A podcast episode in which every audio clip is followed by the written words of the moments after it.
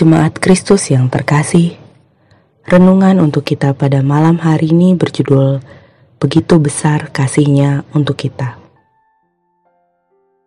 Dan bacaan kita diambil dari kitab Lukas pasal 13, ayatnya yang ke-31 sampai dengan 35. Beginilah firman Tuhan. Pada waktu itu datanglah beberapa orang Farisi dan berkata kepada Yesus, Pergilah, tinggalkanlah tempat ini, karena Herodes hendak membunuh engkau. Jawab Yesus kepada mereka, Pergilah dan katakanlah kepada si serigala itu, Aku mengusir setan dan menyembuhkan orang pada hari ini dan besok. Dan pada hari yang ketiga aku akan selesai. Tetapi hari ini dan besok dan lusa aku harus meneruskan perjalananku. Sebab tidaklah semestinya seorang nabi dibunuh, kalau tidak di Yerusalem.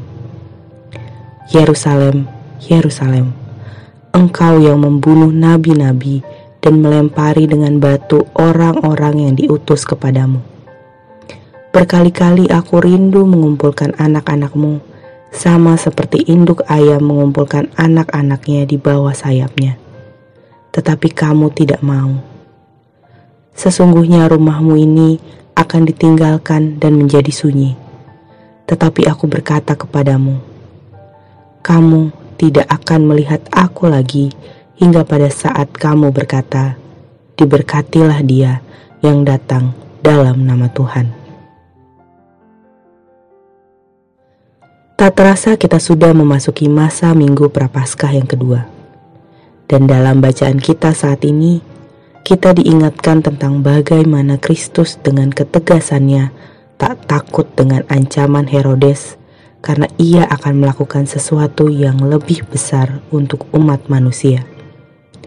Dalam bahasa yang penuh makna, tersirat Tuhan ingin mengatakan bahwa kematiannya bukan karena Herodes, namun karena kasihnya untuk umat manusia. Kalau kita memperhatikan, ada kekecewaan yang dinyatakan Tuhan bagi orang-orang di Yerusalem karena perbuatan-perbuatan masa lalu mereka yang keji dan menyakitkan hati Tuhan. Bahkan kasih yang diberikan Tuhan seperti tak mampu untuk mengubah cara hidup yang mereka miliki. Dari kisah ini, kita juga dapat menemukan kalau Tuhan tak pernah habis kesediaan untuk mengampuni umatnya. Hanya saja, kita yang sering kali bebal dan tak mau mendengarkan Tuhan. Kalau seandainya kita berhadapan dengan orang tua kita dan mereka sudah lelah dengan apa yang kita lakukan, apa respon kita? Apakah tak ada upaya untuk berbuat sesuatu yang baik agar kita kembali menyenangkan hati orang tua kita?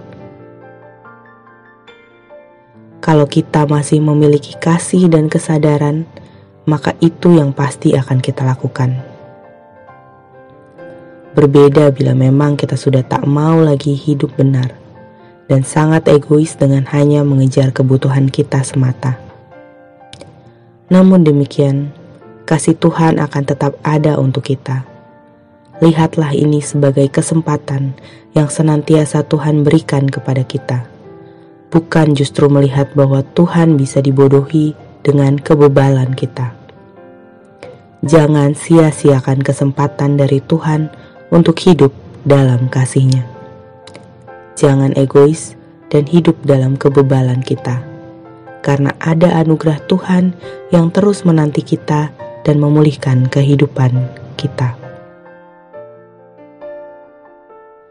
Demikianlah renungan malam ini.